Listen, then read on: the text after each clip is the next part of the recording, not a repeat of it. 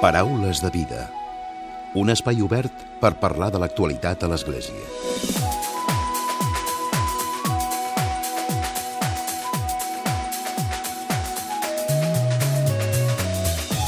Què tal? Salutacions i molt bon dia, molt bon diumenge. Avui el nostre convidat és el professor de la Universitat Autònoma de Barcelona, Lluís Quintana. A través de Fragment Editorial acaba de publicar Art i Blasfèmia, el cas Veronese.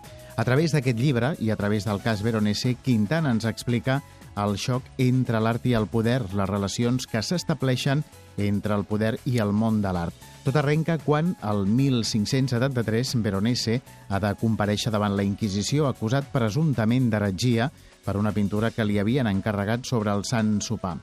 Per esquivar aquesta acusació, el que va fer és canviar el tema del quadre. Li va posar un títol més adient per així diluir el concepte d'heretgia. Concretament, en comptes de ser el Sant Sopar, Veronese va optar per sopar a casa de Levi, remetent-se així a un passatge menor de l'Evangeli.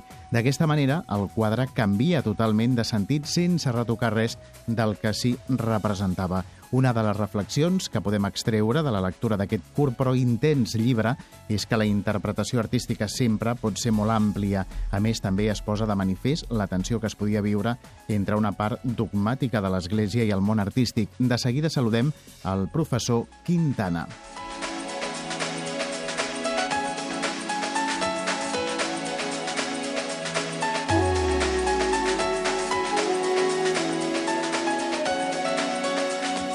I com sempre, a la recta final del Paraules de Vida arribarà un nou comentari de l'actualitat de Francesc Romeu. Comencem.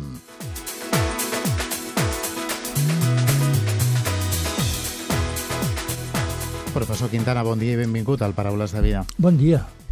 Tenim aquí Art i Blasfèmia, el cas Veronese. Sí. Què és el que ens explica? Ara ho hem explicat eh, breument a la portada.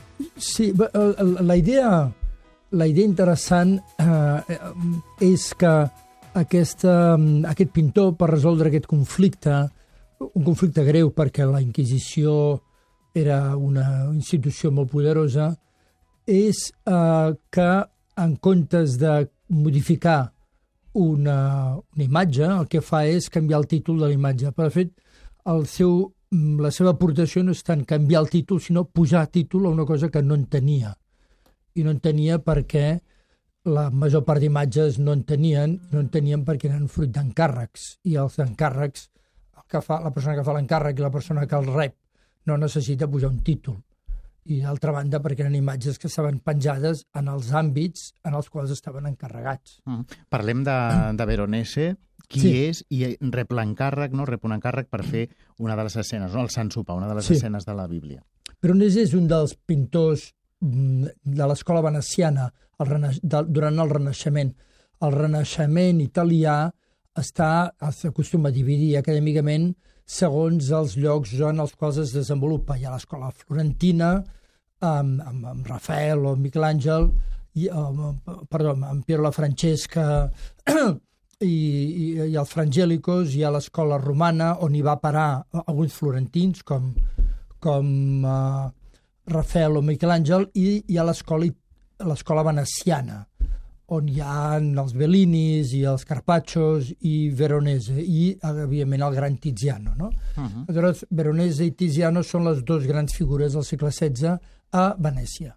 Uh -huh. I, per tant, són dues persones que reben molts encàrrecs perquè són els dos grans pintors i l'Església, per tant, els hi encarrega molt sovint quadres per les seves esglésies, pels seus convents. Uh -huh. En aquest cas fa aquest eh, quadre, però ha de passar per la Inquisició, no? Tots, tot, tots els quadres um, passen per la Inquisició, però no tant perquè sigui un prerequisit, sinó perquè estava en la plena contrarreforma. I a la contrarreforma, la Inquisició, um, l'Església ha donat instruccions imprecises sobre els quadres. Són imprecises, però, tu, per tant, tothom les pot interpretar de, qual, de, de la manera que li interessa.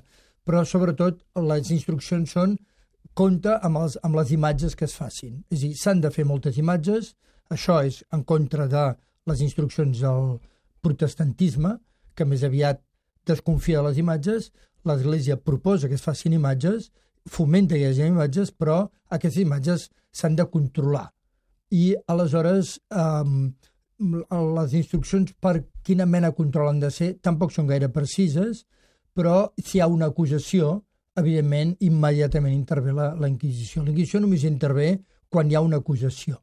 Mm. No, no intervé sistemàticament controlant tots els quadres que es fan. Se suposa que és un control que ja el fa, la fa la, els propis eclesiàstics. Uh -huh. Va arribar el problema i ell va tenir una solució que va ser innovadora, no? Sí, la, la, la solució innovadora és aquesta, és a dir, posar títol a coses que no en tenien. Perquè, evidentment, una anunciació mm, no cal que tingui un títol, tothom sap el que és una anunciació. I un quadre sobre Sant Francesc, en una església que es diu de Sant Francesc, tampoc cal que el porti, no? perquè tothom sap que... Implícitament ja està, no? Ja està. Uh -huh. I, el, I el fet que li, li posés aquest nom al sopar de, de Levi? El, el sopar de Levi és una solució molt estranya perquè és una escena que no s'havia representat mai, o gens. No, sembla ser, els, els estudiosos d'això diuen que no s'havia representat mai. Potser sí que algun dia trobarem alguna imatge, però, en fi, no tenia tradició. Per tant, pujar-hi aquest quadre és molt, aquest títol és molt estrany. Però quina utilitat té? Com que és, una, és un episodi poc representat, no hi, no hi haurà ningú que pugui acusar-lo de no ser una bona representació, perquè com que no s'havia representat mai, doncs no, ningú podia dir això no segueix la, la... Sentava un precedent, diguéssim. Sentava no? un precedent i ningú podia dir que allò no era el sopar a casa Levi perquè no s'havia representat mai abans. Uh -huh. Però... També hi ha el, el missatge, no?, o, o una mica posa text al, a la situació que, que es vivia, no? el dogma de l'Església no? Mm. i, i d'una etapa potser de l'Església més fosca, sí, amb la Inquisició. És, sí, és una, és una època en què l'Església està molt atemorida per la, per el que era, pel que a les èpoques s'anomena l'heretgia protestant, està molt atemorida i, per tant, qualsevol qüestió que sigui, que sembli que posi en dubte la um, primacia de l'Església, evidentment és controlada. Um, L'episodi més famós de tots aquests és la Capella Sixtina, el, el quadre de l'últim judici, en el qual, evidentment, hi ha, algú considera que hi ha un excés de nus i algú es dedica a pintar per sobre dels genitals eh, els, unes robes perquè no hi hagi tants nus, però no hi ha cap instrucció que digui no hi ha d'haver nus. Simplement algú s'espanta i algú ho corregeix. Per què? Perquè és una època d'un gran temor i les èpoques de gran temor la repressió sempre és arbitrària. Uh -huh. Professor Quintana, com sorgeix la idea de, de fer aquest llibre?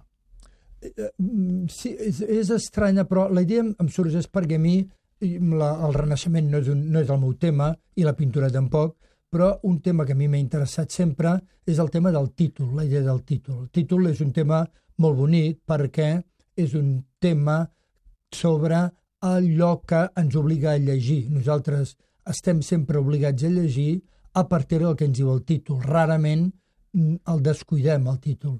I, per tant, quan jo vaig llegir el catàleg del Museu de l'Acadèmia, que és un, és un, jo, jo hi vaig sovint perquè a la Universitat de, de Ca Foscari um, hi vaig, la visito regularment, i faig conferències, etc i per tant conec aquest quadre, l'he vist diverses vegades, i quan vaig veure en el catàleg que, que hi havia hagut un canvi de títol, evidentment això m'ha interessat. Mm. Va ser, diguéssim, la guspira per fer... Sí, va ser la guspira de dir, amb un canvi de títol, com és això, no? com és que hi ha un canvi de títol i què significa, etc. Mm. És un llibre didàctic. És, com dèiem, és curt, eh, sí. però és intens. No? O sigui, va donant molta, molta informació i contextualitzant eh, el moment que, que retrata no? en el llibre. Sí, jo intento que el lector, no, no, no pretenc dirigir-me a cap lector especialista en art, perquè jo tampoc ho soc, pretenc, pretenc dirigir-me a un lector instruït, interessat en la història, i um, el que pretenc és que entengui la situació, les circumstàncies en les quals es troba i en les quals es pren aquesta solució. Per tant, és un llibre que hi ha una part d'història, una part d'història a l'art, una part d'història a l'Església i una part de estètica, no? És dir, la, la, què, què vol dir pintar i què vol dir que nosaltres quan mirem un quadre el mirem amb un, difícilment nets de prejudicis i difícilment mirem un quadre sense interessar-nos pel títol, no? Uh -huh. perquè és molt difícil um, pensar en que allò ho mirem d'una manera um, um, immediata, no? Sempre estem mediatitzats per alguna informació. Mm. Ha posat eh, llum amb un fet, no sé si dir-ho anecdòtic? Mm. Sí, sí, sí, sí. És, és anecdòtic sí. perquè, bueno, tots els conflictes que hi ha a la història de l'art. De tota manera, aquest és un conflicte que ha generat moltíssima, moltíssima literatura, moltíssima reflexió, molt, molt, molt. Hi ha molta àmplia bibliografia sobre això perquè és un dels pocs casos en els quals un pintor és entrevistat per la Inquisició, entrevistat. Que ha de passar, diguéssim, com per un tribunal. Ha no? passat per un tribunal i tenim l'acte d'aquest tribunal. Clar, al tenir l'acte d'aquest tribunal, això és un cas bastant insòlid, perquè, evidentment, és un dels pocs casos en què un pintor del Renaixement manifesta les seves opinions sobre l'art. No? Uh -huh. Perquè, evidentment, tenim la vida del Vasari, etc, però mm, de Veronese o de Miquel Àngel o de Rafael no tenim entrevistes com les tenim ara. No? Per tant, és un dels pocs casos en els quals un pintor manifesta com ell veu la pintura. Uh -huh. Crec, no sé si va anar també, va visitar alguna de les biblioteques de Venècia, pot ser? Sí, vaig visitar una biblioteca a Venècia molt, molt bonica, molt espectacular, que és una biblioteca que es troba en un convent, que és el convent de Sant Giorgio.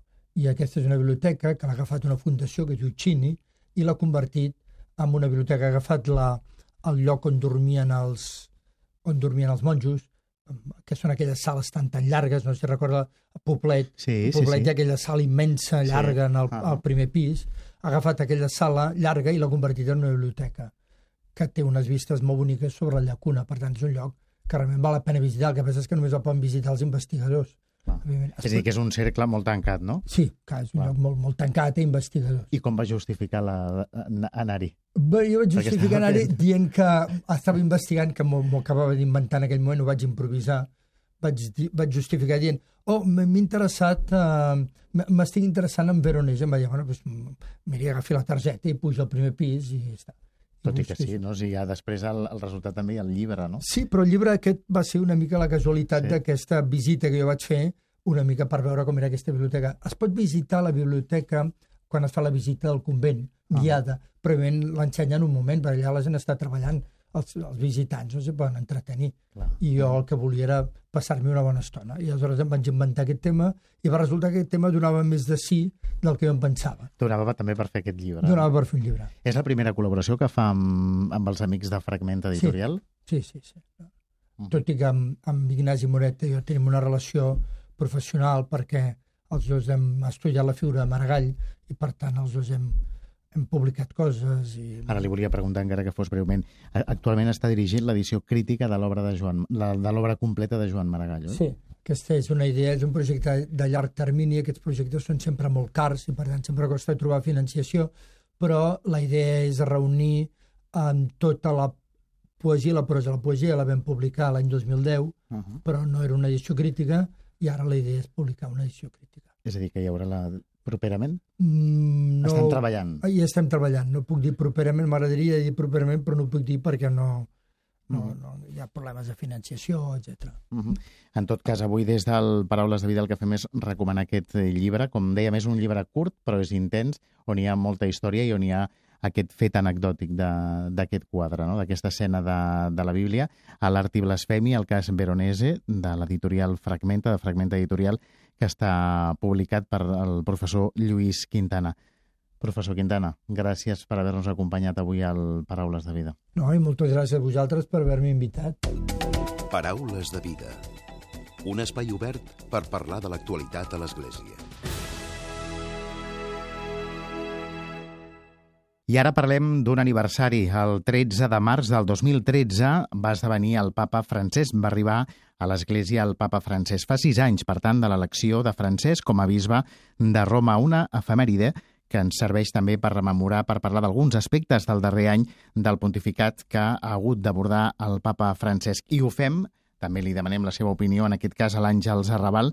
Ella és catòlica de la diòcesi de Barcelona i participa en diferents moviments eclesials. Àngels, bon dia i benvinguda. Bon dia, Déu vos guard. Gràcies per comptar amb mi. De res, un plaer sis anys del papa Francesc. Quins són els... Se n'ha parlat molt i ara aquests dies han sortit diferents articles parlant d'aquests primers sis anys al capdavant de, de l'Església, del papa Francesc. Sobretot es destaca la seva part més comunicativa i també la seva part, ho posem entre cometes, transgressora, d'anar més enllà del que fins ara s'havia anat. Quina és la, la teva primera valoració d'aquests sis anys?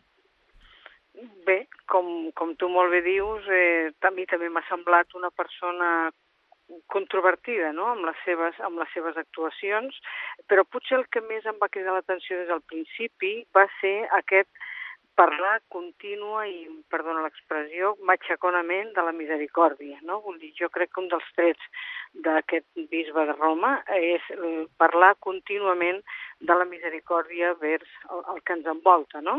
Després, aquest Sant Pare té una llibertat d'expressió o d'expressions que, a la que potser no estàvem acostumats i que jo crec que alguns integrants del seu equip, sigui de la cúria directament o dels seus col·laboradors més propers, els ha posat de vegades en una situació una mica incòmoda, però que, que bé, que és, és un dels trets de la seva, de la seva personalitat, oi? Mm -hmm. uh, voler treure, voler treure l'església de les sagristies, vull dir, sense cap tipus de triomfalisme, ni arrollar a l'altre, ni al contrari, vull dir, treure-la, dir-nos als catòlics que no, que no ens hem de, de quedar amagadets a casa nostra i que eh, hem de tenir el coratge d'equivocar-nos, si cal, no? Vull dir, sortir, fer coses, només el que no fa res no uh -huh. s'equivoca mai, i aquella frase que jo crec que està al cap de tothom, de m'estimo més una església ferida o, o, o demanant disculpes per haver-se equivocat que una església que no s'equivoca mai perquè no fa res, no? Uh -huh. Suposo que exactament no va dir així, però m'atreviria a dir que tots ho vam entendre així. Uh -huh. I per sobre de tot, jo m'atreviria a dir, sense cap tipus d'autoritat, uh, perquè no la tinc, que és un Sant Pare no, no sé si dir que parla més pels de fora que pels de dintre. Els de dintre ja ens sabem, la pel·lícula, no?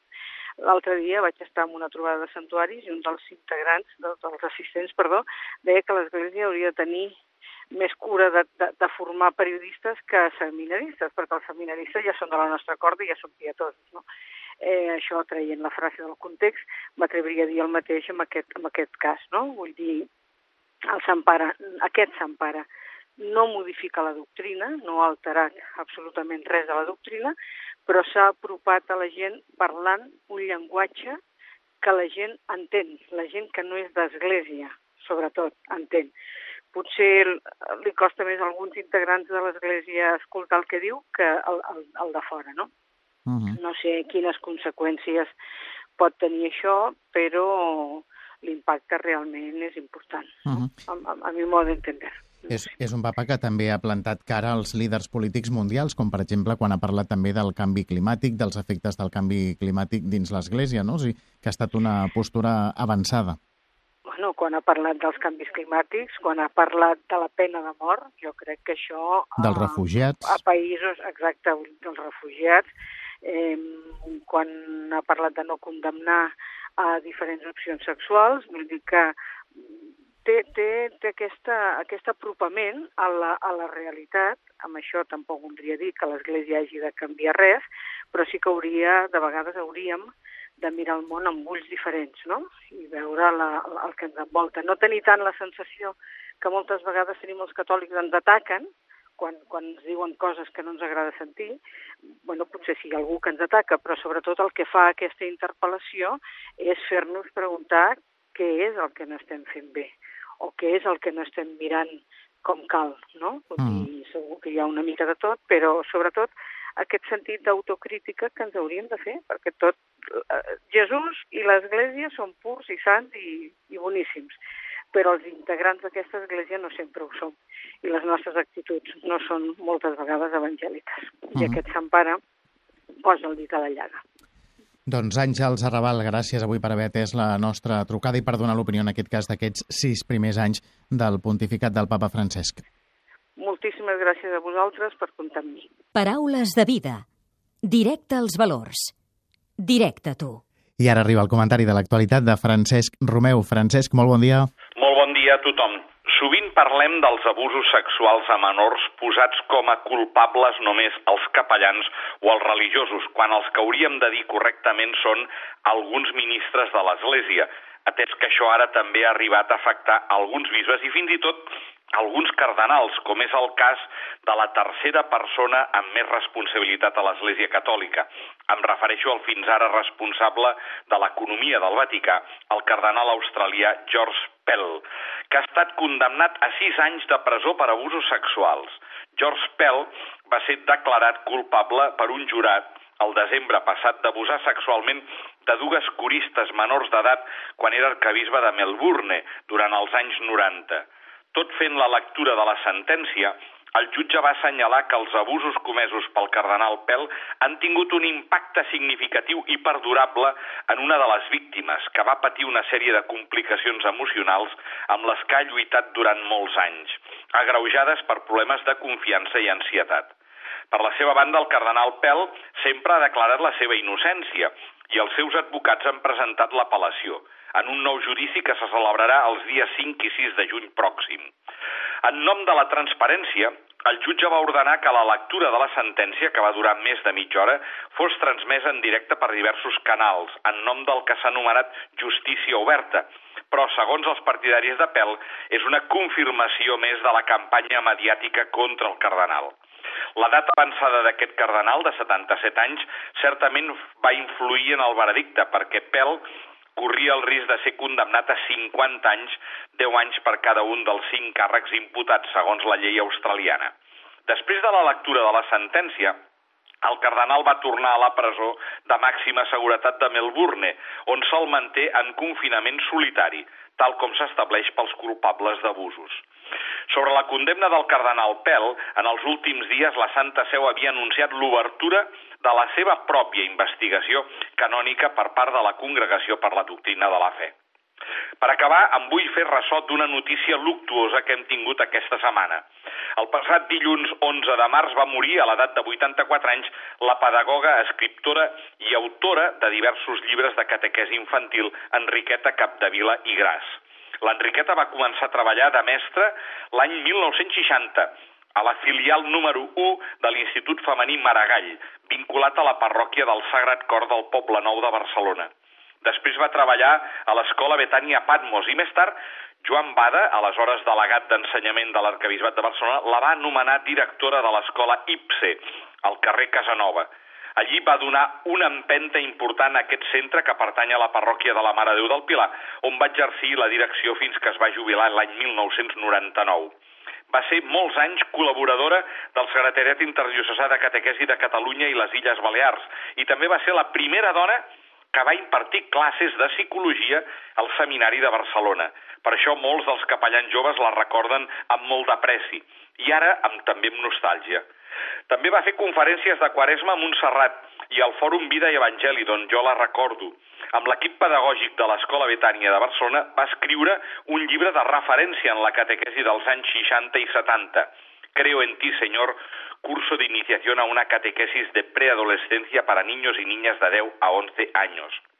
Va formar part de l'equip liderat per Joan Bada, delegat episcopal d'ensenyament i catequesi, juntament amb el monjo de Montserrat Lluís Duc i el biblista Xavier Velasco.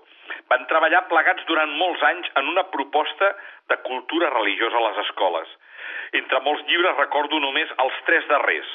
L'any 2004, amb el bisbe Sebastià Taltabull, va escriure Els primers anys de la vida, la iniciació cristiana dels infants fins a set anys.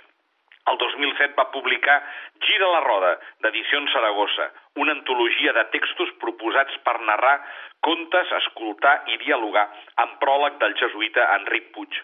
I el 2013, Deixeu que els nens vinguin a mi, la iniciació dels més petits a la vida cristiana, que el va escriure amb Enric Termes, amic i rector de la seva parròquia de referència Sant Josep Oriol de Barcelona. Molt bon diumenge a tothom!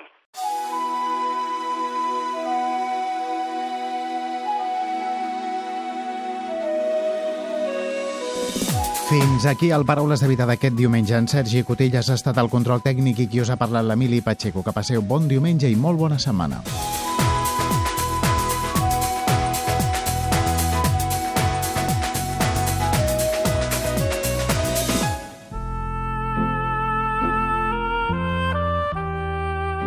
Us oferim la carta dominical de l'arcabisbe de Barcelona, Joan Josep Omella.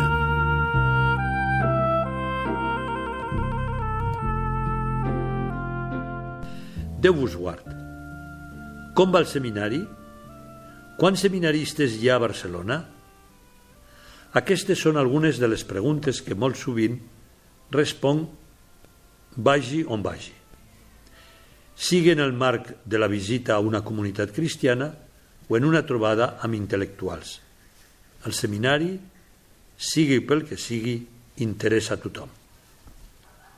Avui, en la proximitat de la festa de Sant Josep, celebrem el dia del seminari. Etimològicament, el mot seminari significa lloc on creixen les llavors, semina en llatí. Dins l'àmbit de l'Església és l'espai on s'acullen i acompanyen les llavors de vocació sacerdotal en un clima de família per tal que, a poc a poc, vagin brullant futurs servidors de Déu i de la comunitat. Avui és el dia en què els cristians prenem consciència d'una manera particular de la importància del seminari.